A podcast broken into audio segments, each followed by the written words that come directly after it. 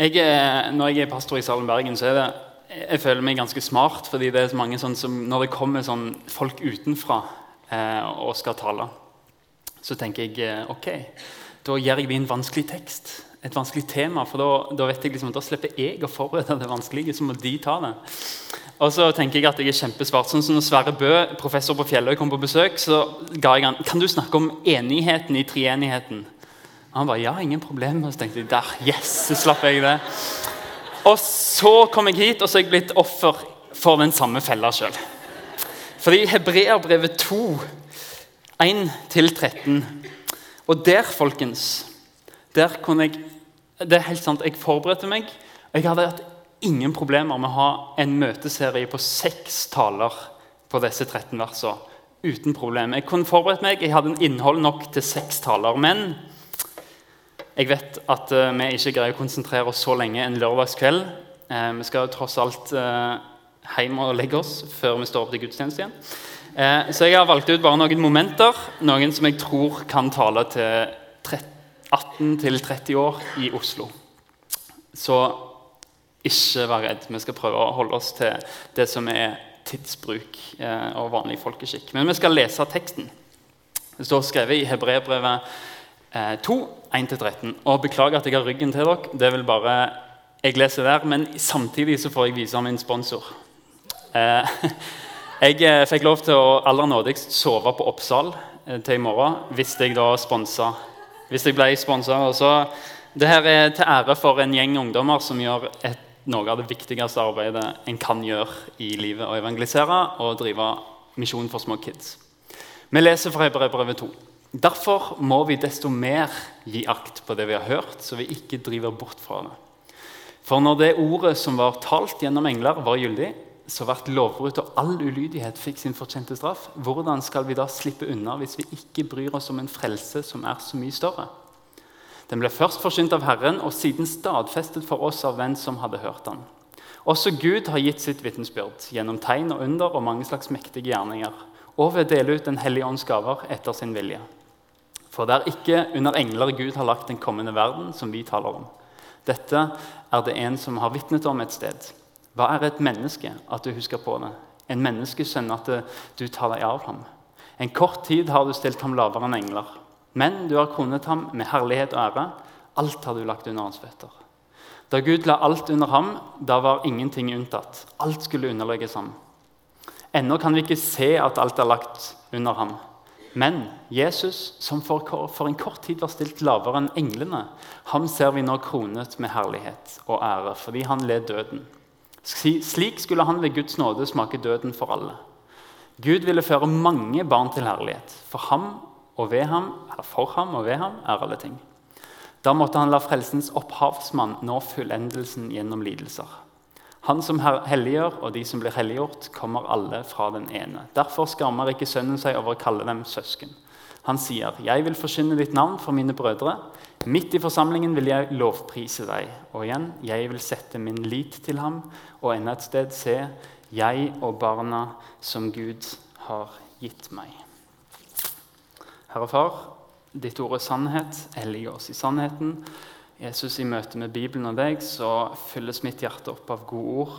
Men du er altfor utrolig til å beskrive oss med bare ord. Derfor, Hellige Ånd, vær til stede, åpne hjertene våre. Tal til oss tro, tal til oss liv, og la oss få leve på det du gir oss i kveld. Amen. Det er stas å være her i eh, Oslo. Eh, jeg gikk her, begynte i Misjonssalen for tolv år siden. nå, eh, bor jeg selvfølgelig ikke, nå er jeg i Oslo, eller Oslo Doma, som jeg kaller det vestpå. Eh, kun når jeg skal forkynne evangeliet. Eh, så vi prøver å holde oss liksom på, i bibelbeltet der borte. Men eh, vi skal begynne med å se på det aller første, aller første verset. Og jeg tror at det er veldig sentralt for oss, for vår aldersgruppe i dag. Eh, du ser at Brevet er skrevet til jødiske kristne som sto i fare for å forlate troen sin fordi de tenkte nah, dette med at Jesus er Gud og døde på et kors Jesus kan ikke være Gud. Det, det, de fikk det ikke til å passe.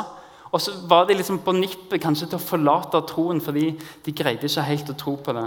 Men der skriver forfatteren Og så handler hele hebreerbrevet om Jesus er bedre enn alt det dere kan komme på med. Jesus er bedre enn Gamle testamentet. Jesus er bedre for dere. Han er den Gud har sendt på frelse, for å frelse. Dere må ikke gi slipp. Og Forfatteren bruker to ord for å advare leserne om hva som er i ferd med å skje. Han bruker 'gi akt' eller 'hold fast' og 'å drive bort'. Og Det ordet som brukes for 'å drive bort', det kan oversettes på mange måter. Tanken bak er iallfall at en forsømmer noe, og så blir det tapt. Noe som flyter forbi, eller bare som slipper ut av hendene på oss. En ring som glir av fingeren og forsvinner. Et evne som bare sniker seg inn i samtalen. Eller et poeng som blir glemt i diskusjonen, som flyter forbi. Et faktum som blir glemt til noe som bare ebber ut og forsvinner. Det ordet er det han bruker. Og Begge disse ordene blir brukt i det marine språket. Altså marine det med, med båter å gjøre. Å holde fast det, å, det ordet blir brukt om å fortøye til kaien og binde båten godt, sånn at den ligger der stødig, selv om det kommer storm. Å drive bort det ble brukt om skip som for, der de forsømte fortøyningene. De ble bare liggende, og så til slutt så sleit tauet, og båten bare dreiv forbi kaien ut på åpent hav i storm og sank. Sånn at eh, de som er båtfolk, de kan lese dette verset sånn Derfor må vi med stor iver fortøye livet våre til de tingene vi har hørt, sånn at ikke livsbåten vår driver forbi havnen og går på grunn og blir et vrak. Det er et levende bilde av et skip som bare driver vekk på land og synker fordi kapteinen døser. For oss som er kristne, så er faktisk ikke den største faren å havne i en sånn akutt tvil. Der du bare plutselig mister troa di. Det er få mennesker som våkner opp om morgenen og så bestemmer seg for i dag skal jeg slutte å være kristen. I dag er dagen der jeg bare skal Ikke mer. Hvis du ser på, på 100 stykker som ikke er kristne lenger, og spør dem hvorfor er du ikke kristen og det er ytterst, ytterst få vil si du, eh, En dag så bestemte jeg meg for ikke å bli kristen. Eller det var et argument som overbeviste meg, og etter det så var jeg ikke kristen. Men de vil si det bare skjedde. Jeg bare drev lenger og lenger bort.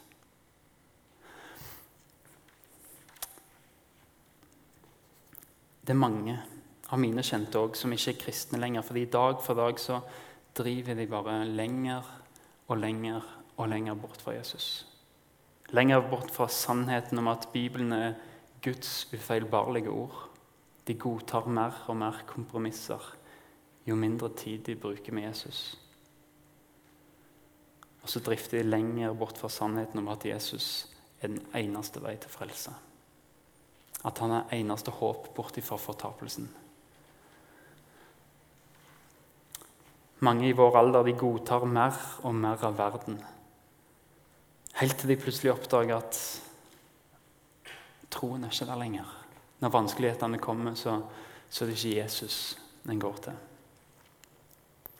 Og vi er helt nødt sier han som skriver hebreerbrevet. Dere er nødt til å passe dere for det driftende kristenlivet. Dere er nødt til å holde fast. Hvis ikke så vil strømmene fra samtida vår bare komme sakte, men sikkert og bare dra oss bort fra frelsen. Bibelen sier så mange ganger 'våg, vær edru, hold fast'. Dere må holde fast. Verden drar i oss hele tida. Og vi må være helt bevisste at det er noe som vil dra oss vekk fra Jesus. Både i oss sjøl, men òg fra utsida. Ting som er eller Det finnes ting som er helt anerkjent i samfunnet, etisk, moralsk, som, som vi kristne må si en strek og si nei. Jeg vil holde på sannheten her.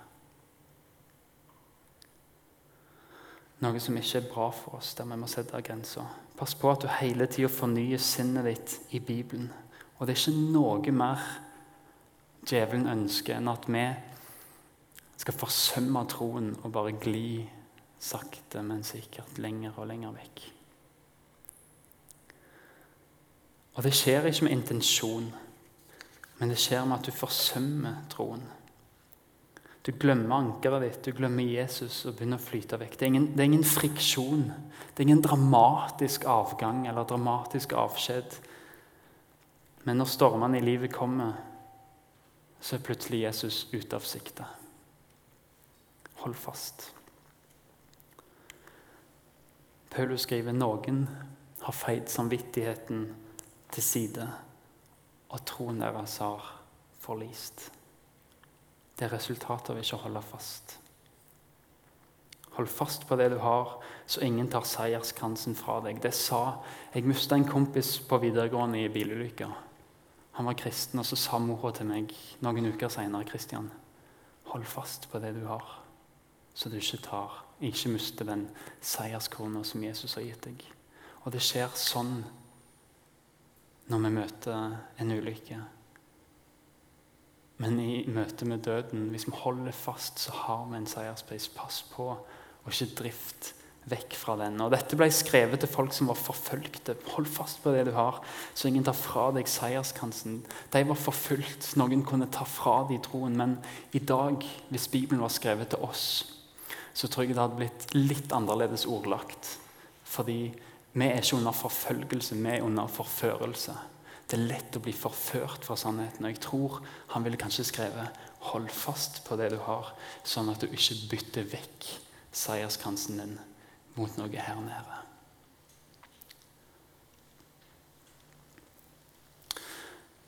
Og Det er veldig farlig å stå og være hovmodig når du snakker om dette. Men legg merke til én ting. Forfatteren han skriver hvordan kan vi slippe unna? Ikke hvordan kan dere hebreere slippe unna, men hvordan kan vi? Han inkluderer seg sjøl. Og dette med å holde fast og dette med å kunne drive bort, det gjelder alle. Selv om du er stødig kristen, du er leder, du har masse oppgaver, du har andakter, du leder i bibelgruppa Du må òg passe på. Ikke tenk at dette angår de andre. Men han her, en som har skrevet ei bok som havna i Bibelen, han òg visste at jeg er nødt til å holde fast. Han inkluderer seg sjøl i advarslene. Ikke vær hovmodig. Du må holde like godt fast på Jesus, du òg. Det er en veldig stor fare for oss å miste interessen i noe som er godt kjent, og som er velkjent. Sånn, for å lande dette hvordan skal vi holde fast? Wow! Hvordan skal vi holde fast? Les Bibelen din. Hør forkynnelse. Det gjør noe med oss. Guds ord virker i oss. Ha et kristent fellesskap, ei smågruppe eller life-gruppe, og der du snakker om troen. Dette, Hva betyr det inni mitt liv? Hvordan får det vi leser her, praktiske konsekvenser inn i mitt liv? Og lev i lyset. Og med det mener jeg, Når du gjør en feil, så erkjenn det. Si ja, det var feil. Men gå til Jesus med det, få tilgivelse. Ikke la den få tære på samvittigheten din. Men gjør opp. Paulus sa når jeg gjør feil, så det jeg gjør, jeg erkjenner det. Jeg glemmer det som ligger bak. Men han erkjenner det. Det var feil. Jeg glemmer det som ligger bak, så fortsetter jeg med blikket festet på Jesus. Lev i lyset.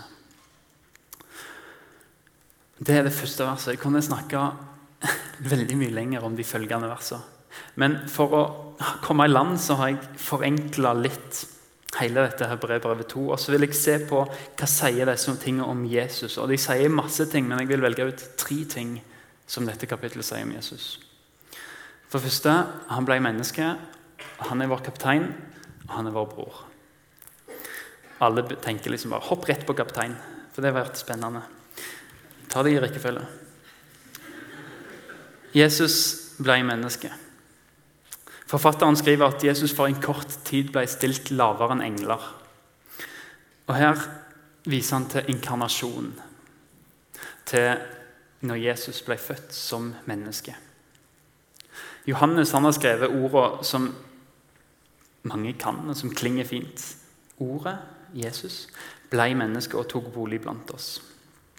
Og ordet Johannes bruker, det er fullada med informasjon. Og Vi kunne oversatt det med at Jesus, eller ordet Jesus ble menneske, og han slo opp sitt telt iblant oss. Han slo opp et tabernakel. Det er egentlig ordet som brukes. Men for et bilde det Se for dere Vær så god, der er teksten. Se for dere eh, en teltleir. Gud slo opp sitt telt blant oss. En teltleir på en festival, og det er alltid fullt av gjørme. Det går ikke an å gå noen plass uten å bli gravskjeden. De som er der, de prøver så godt de kan å holde seg reine, men med en gang de trør utfor teltet, så går gjørma gjennom skoen, inn i sokken, og du er blaut resten av dagen. Og Kanskje så kan vi sammenligne det med vår menneskehet. Vi forurenser relasjonene mellom hverandre. Mellom oss og skaperverket. Mellom oss og Gud. Det vi gjør, det vi ikke gjør, i tanker, ord og gjerning så lager vi ei sånn mørje, sånn total håpløshet. Men midt inni dette, midt i vårt rot av løgner, av begjær, av misunnelse, av misnøye, av sinne og hat og egoisme I en sånn leir slo Gud opp telt. Han slo ikke opp slottet sitt på vestkanten. Han flytta inn i et skikkelig festivaltelt midt i gjørma der du står. Han flytta inn i ditt nabolag. Hva betyr det for oss at Jesus ble født? Eller rettere sagt Jesus kom ned. Fordi Jesus brukte ikke det ordet om seg sjøl at 'jeg ble født', men han sa 'jeg kom'. Han er faktisk den eneste i verdenshistorien som valgte å bli født. Han ville komme ned for å berge. Han valgte å komme ned. Og det er det du trenger. En som kommer ned.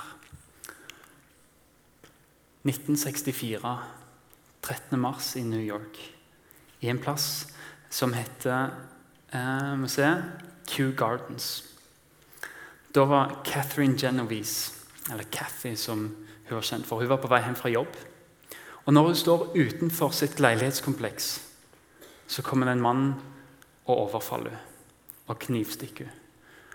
Og Cathy ropte, 'Gud, han stakk meg. Frels meg.' Eller 'Save me. Hjelp meg.' Og Da begynner lyset å gå på i leilighetene over. Folk åpner vinduer. Og I rettssaken etterpå så står det at de fant ut at 38 mennesker så hva som skjedde. 38 stykker så hva som skjedde. Og når overgrepsmannen hørte at Kitty skreik, og at vinduet ble åpna, lys lukka, så trakk han seg tilbake. Men fem minutter etterpå, når ingen kom ned, og det var ingen av de 38 som ringte politiet Fem minutter etterpå så kommer han overgrepsmannen tilbake. Han finner hun der hun ligger, sammenkrøkt i et hjørne i bakgården. Han stjeler 49 dollar, knivstikker hun så mange ganger at hun dør på vei til sykehuset.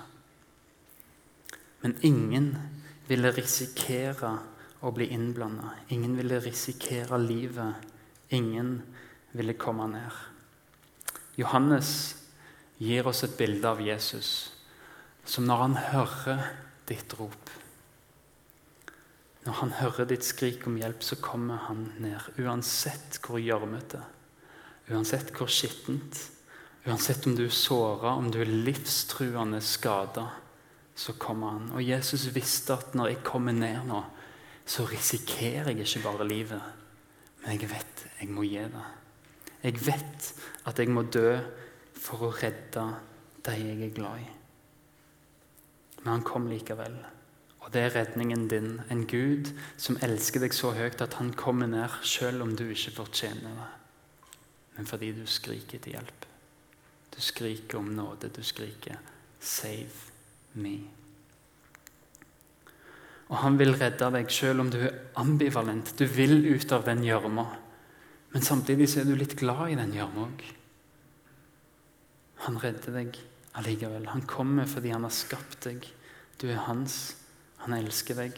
Han vil berge deg for synd, fra død og fortapelse. Han er villig til å ofre livet sitt. Derfor kom han ned. For han kunne ikke tenke seg en himmel uten deg. Han ville komme ned. Han ville smake døden for deg. Han ville smake døden for alle. Og det at Jesus døde for alle, det er en uttalelse som er helt uten sidestykke.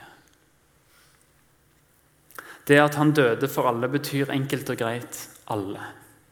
Mor Teresa, Anders Behring Breivik. Du kan nevne på den ene sida av skalaen til den andre. Han kom for alle. Til og med den han visste ikke kom til å elske han tilbake. Han visste ikke engang om du kom til å elske han tilbake, om du kom til å takke han for det. Men han gjorde det likevel. Og det er hans ubetinga kjærlighet. Han strakk ut hånda og kom ned, selv om han visste at mange av disse kommer til å spytte ham i ansiktet. Han kom allikevel, og han døde for alle. Han kom til sitt eget, og hans egne tok ikke imot ham. Men alle som tok imot ham, de ga ham rett til å bli Guds barn. De som tror på hans navn. Hans død var nok for alle. Han smakte døden for alle. Men den er bare virkningsfull for de som tror. De som tar imot i tro. Noen mennesker vil ikke ha noe med Gud å gjøre. De sier, 'Gud, vi er ikke interessert. Vi vil ikke ha noe med deg å gjøre. Jeg velger deg vekk.' Og Gud elsker og lar deg få velge. Gud elsker deg, han lar deg få velge. Men han sier, 'Hvis du velger meg vekk nå, så velger du meg òg vekk når alt skal gjøres opp.' Du velger vekk min død for deg. Da må du sjøl møte den straffen som jeg allerede har møtt for deg. Hvis ikke du vil ha noe med meg å gjøre, så kan du heller ikke få min død for deg. Han kan ikke berge deg før du vil ta imot ham. Men hvis du vil det, så vil han gi deg alt han eier. Han er Guds sønn, han er arving til himmelen og til evig liv. Han vil gi det til deg hvis du tar imot ham. Da blir du Guds barn, Jesu bror og hans medarving. Punkt to. Jesus er vår kaptein. Jeg vet at det står 'opphavsmann' i din bibel. Og det er helt riktig oversatt fra gresk. Men gresk er et rikt språk. Det kan ha mange andre betydninger òg. Ordet som brukes her, egentlig erkeleder. Direkte oversatt erkeleder. Men i antikken så ble det brukt om en by sin helt. Altså den som vant byen, og den som ga navn til byen. Sånn som Atene ga navn til Aten. I den greske versjonen av Gammeltestamentet så blir dette ordet brukt om en politisk eller militær leder over folket. Klanens overhode. Den som leder, han er liksom eksempelet som alle andre ønsker å følge. Den som bærer hans navn, de kan være sikre på at deres saker er hans saker. Han er representanten deres, og at de får del i den heder og ære som han vinner. Han er kapteinen over hæren. Og her, Når vi leser hebreerbrevet, så er Jesus frelsens helt, eller frelsens opphavsmann. Frelsens eh, forfatter. Eh, frelsens grunnlegger.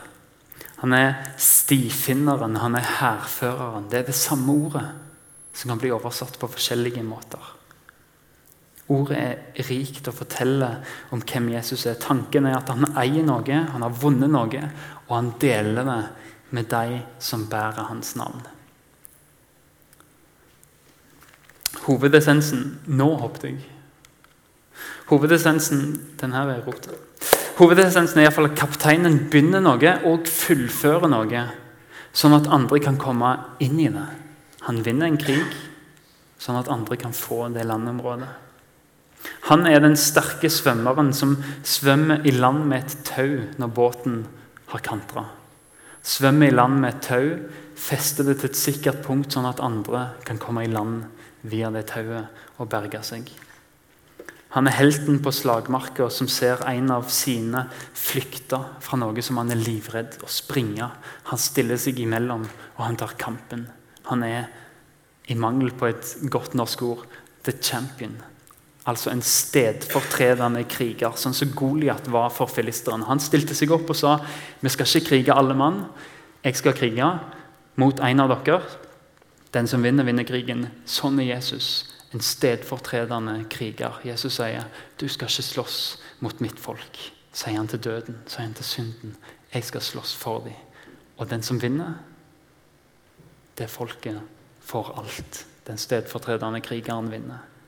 Det er Jesus. Han er vår erkeleder. Han gikk inn i døden, han gikk inn i grava, han kjempa, og han vant. Det vil si at døden ikke er siste stopp for deg. Verken den nå som kommer, eller den evige død. Han gikk inn i grava. Han blåste et stort hull i grava. Han blåste ut veggen i døden. Han åpna ei dør bak døden til det evige liv gjennom oppstandelsen. Han er kapteinen som gikk først. Han vant, og han vil dele det krigsbyttet med det folket som han har. De som vil bære hans navn. Vil ikke du stole på den kapteinen? Vil ikke du ta imot alt det han har vunnet for deg? Han sier det kan bli ditt. Den tredje er at Jesus er vår bror. Han som helliggjør. Og de som blir helliggjort, kommer alle fra den ene. Derfor skammer ikke sønnen seg over å kalle de søsken. Han sier, 'Jeg vil forkynne ditt navn for mine brødre.' 'Midt i forsamlingen vil jeg lovprise deg.' Jesus er broren som er stolt av deg. Vi i vestlig kultur vi har ikke en forståelse over hvor viktig familien er i Bibelen. Fordi vi er individualister. Når vi skal selge oss sjøl på jobbintervju, f.eks., så er det sånn at vi velger ut en merittliste av det vi har gjort, studert, jobber vi har hatt. Og så lager vi en CV. Og så sier vi her, vær så god, dette er meg. Jeg er de tingene som jeg har gjort. Men i vestlig, nei, i østlig kultur så det Bibelen er en del av, det som Bibelen mener Eller i Bibelens samtid så var det ikke sånn at du bestemte hvem du var, men ditt opphav bestemte hvem du var. Når de skulle skryte av seg sjøl, så lagde de ei etterliste. Sånn som så Keiserne i Roma de lagde sine egne etterlister. Og de fikk til og med inn at gudene var liksom foreldre og besteforeldre. Og sånt. Og så tok de de som de var stolt av i slekta, og skrev de høyt opp på lista. De som de skjemtes over, de tok de ut av lista. Og så ga de den list og sa her dette er meg, det er den jeg er. Det var den CV-en på den tida. Og det er det Jesus snakker om her. Jesus er broren som er stolt av deg. Og hvor fantastisk er det ikke når du slår opp din bibel i Matteus 1 og finner Jesus si ettertavle. Jesus sin CV. Det forteller hva Jesus er stolt av. Det forteller hvem Jesus er. Og den etterlista er det fem kvinner det er totalt uhørt på den tida. Du skrev ikke ei dame inn i etterlista di. Det var skam. Men Jesus skrev fem. Den ene var Tamar. Hun var et incestoffer. Den andre var Rahab. Hun var en prostituert. Den tredje var Ruth. Hun var enke. Den fjerde var Batseba. Hun var utro. Den femte var Maria. Hun var enslig tenåringsmor. Jesus, universets konge, vår kaptein, vår hærfører. Han er stolt over disse. Han setter det i sin CV og sier 'Dette er den jeg er. Disse er jeg stolt av'. Jesus skjemmes ikke over deg heller. Det gjør ikke noe hva du har gjort. Gjennom Jesus så er du noe han er vanvittig stolt over. Se hvem jeg har berga. Se hvem som er min bror. Se hvem som er min søster. Det er denne jeg er. Han synger over at du er hans bror og hans søster. Og det han sier, at det andre sier om deg, det er totalt irrelevant. Men han som har skapt deg, han som har elska deg, han som har frelst deg, han som er din kaptein, han som er din bror, han som vil ha en relasjon med deg, universets konge. Han sier 'jeg er stolt av deg'. Du er min bror. Jeg Vil ikke stole på han? Jeg Vil ikke ta imot det han har gjort? Den som tar imot han, den som tror på han. Når vi en dag står for dommen, og det står en djevel og anklager oss og sier han gjorde sånn og sånn og sånn, han tenkte det og det, det var en mislykka disippel. det. Så står Jesus, og jeg vet en av de tingene han kommer til å si. Han sier han er min bror.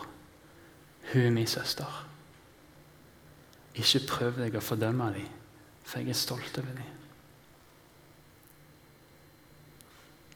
Den som tok imot ham, de kan rett til å bli Guds barn. Jesu bror, Jesu søster. Kjære far. Takk for at du, er, du kom ned midt i vårt sølevann. Når vi trengte deg så aller mest, så kom du ned sånn som de ikke gjorde i New York den marskvelden. Men du kom ned, og du berga oss selv om du visste at noen av oss ikke kom til å elske deg tilbake. Men du elska lenge før vi kjente deg. Takk for at du er vår kaptein som kjemper mot synden og døden for oss. Og når du vinner, så vil du dele det med oss. Og Du viste din seier når du sto opp igjen fra de døde, og du vil dele den seieren med oss og gi oss evig liv. Takk for at du er stolt over oss. Hjelp oss til å tro det, hjelp oss til å finne vår identitet i at vi er dine søsken. Men er verdifulle, uavhengig av hva vi har gjort, fordi du er stolt over oss.